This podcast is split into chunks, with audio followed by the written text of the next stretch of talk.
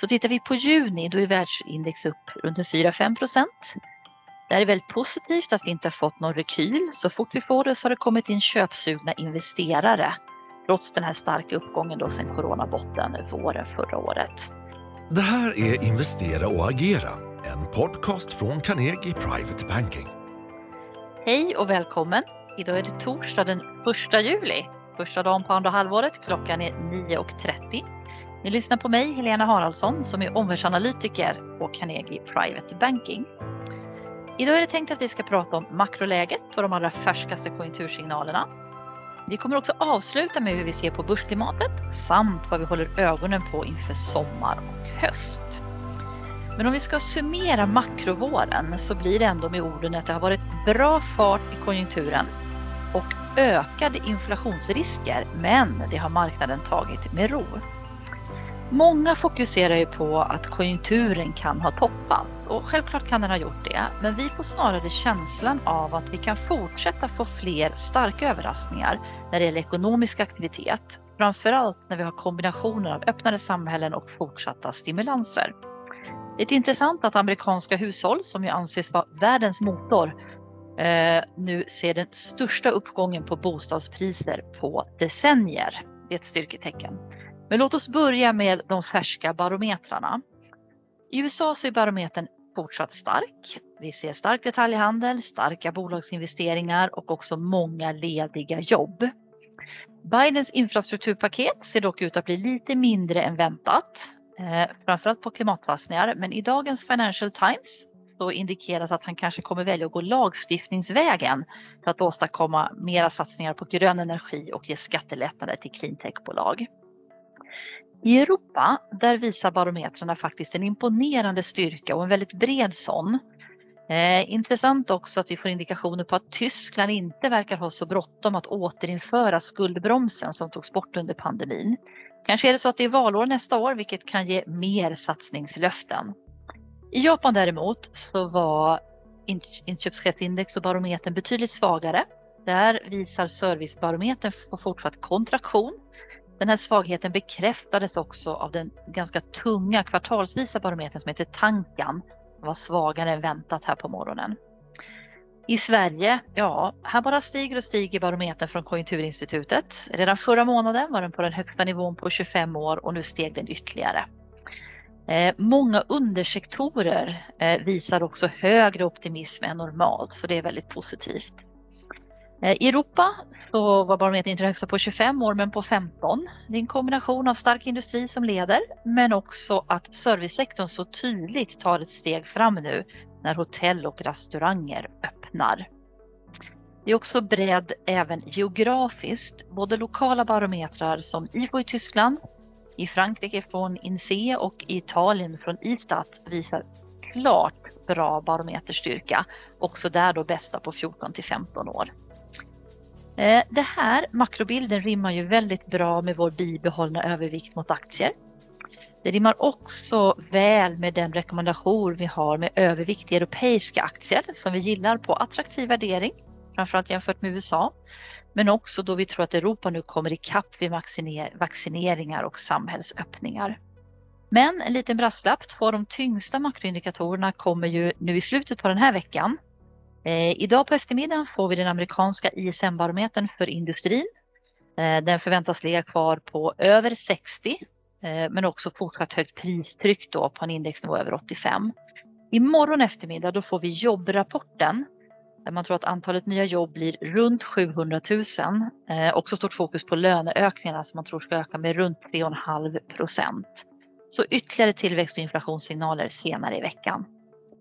Eh, inflationssignaler är intressanta. De har hopat sig när konjunkturen har förblivit starkt. Tydligt är att utbudet är mindre än efterfrågan. Och vad är det vi ser då på inflationssidan? Jo, i USA så är inflationen mätt som KPI nu hela 5% och tar man Feds favoritmått som heter PCE då är den runt 4% Den här uppgången har gått fort och frågan är hur mycket är bestående. Men vi ser också hur råvarupriser stiger. Ett brett råvaruindex är upp 40% på bara ett år. Det här gör ju insatsvaror dyrare för många tillverkande bolag. Det är också så att det är lätt för företagen att höja priserna och kompensera för de här kostnadsökningarna. Däremot har de också ganska stora behov av att rekrytera och det är inte alltid så lätt och det skulle kunna ge en fortsatt acceleration i lönetrycket. Återstår att se vilka av de här kostnadstrenderna som är övergående och vilka som består till hösten. Vill man ha inflationsskydd i portföljen, ja då är det ju energisektorn, det är råvaror, det är materialbolag eller bolag med stark pricing power som gäller. Och här kan vi väl bara påminna om att vi i tidigare poddar har pratat det som kopparpriset, en tematisk investering eh, i en råvara som gynnas av utbyggnad av elnät i samhället. Och den här placeringen har ju gått fantastiskt starkt som tur är. Eh, även oljan har ett uppåttryck, både på stark efterfrågan men också begränsat utbud både från OPEC men också amerikanska skifferoljeproducenter som mer aktieägarfokus just nu.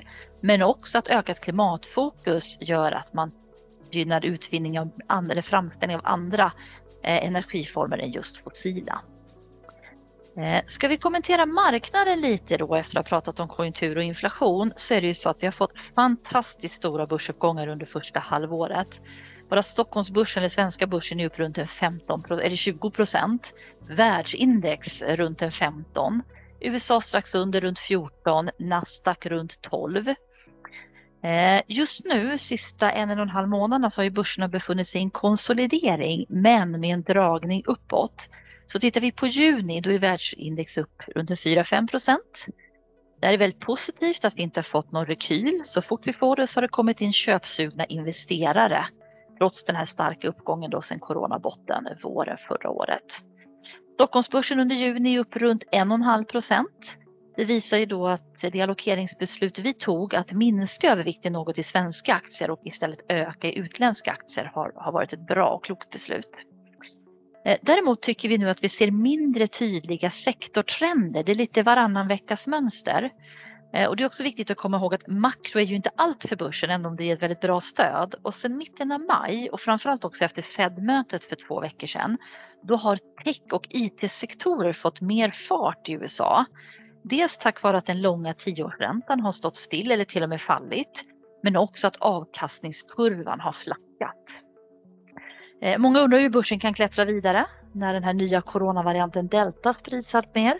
När bolagen har kostnadsökningar och långa leveranstider. Samtidigt då som vi nästan har en regeringskris i Sverige och vi har fortfarande geopolitiska spänningar mellan USA och Kina, bland annat kring Taiwan. Men svaret är att eh, makro och vaccinationerna men också vinsterna och stimulanserna ger börsstöd.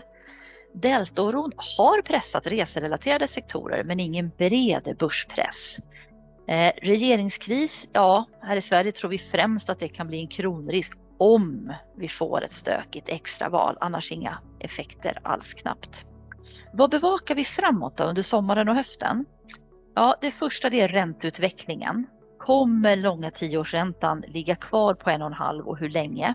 Konjunkturen är ändå stark, inflationen visar risk att fortsätta stiga och Fed tog en betydligt högaktigare ton vid sitt senaste möte. Marknaden kommer vara jätteintresserad när Fed börjar signalera nedtrappning av stimulansen. Det är det första steget innan räntehöjningar, det vi kallar tapering. Eh, för mötet för två veckor sedan så är det ju 7 av 18 som vill höja redan 2022. Eh, och medianprognosen bland ledamöterna då är två höjningar 2023.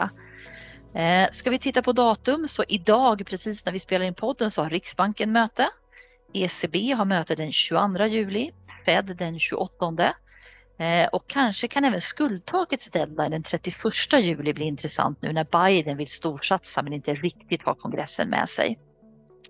Utöver ränteutvecklingen, den andra faktorn vi tittar på, det är rapportsäsongen. Den drar snart igång i mitten av juli.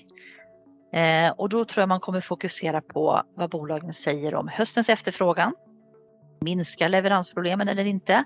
Och hur hanterar man kostnadsökningarna? Än har vi inte fått några vinstvarningar till följd av kostnader eller leveransproblem. Eh, förra perioden då hade vi till och med positiva vinstvarningar. Eh, vi får se om det kommer någonting nu när de vet hur böckerna har stängt här i juni.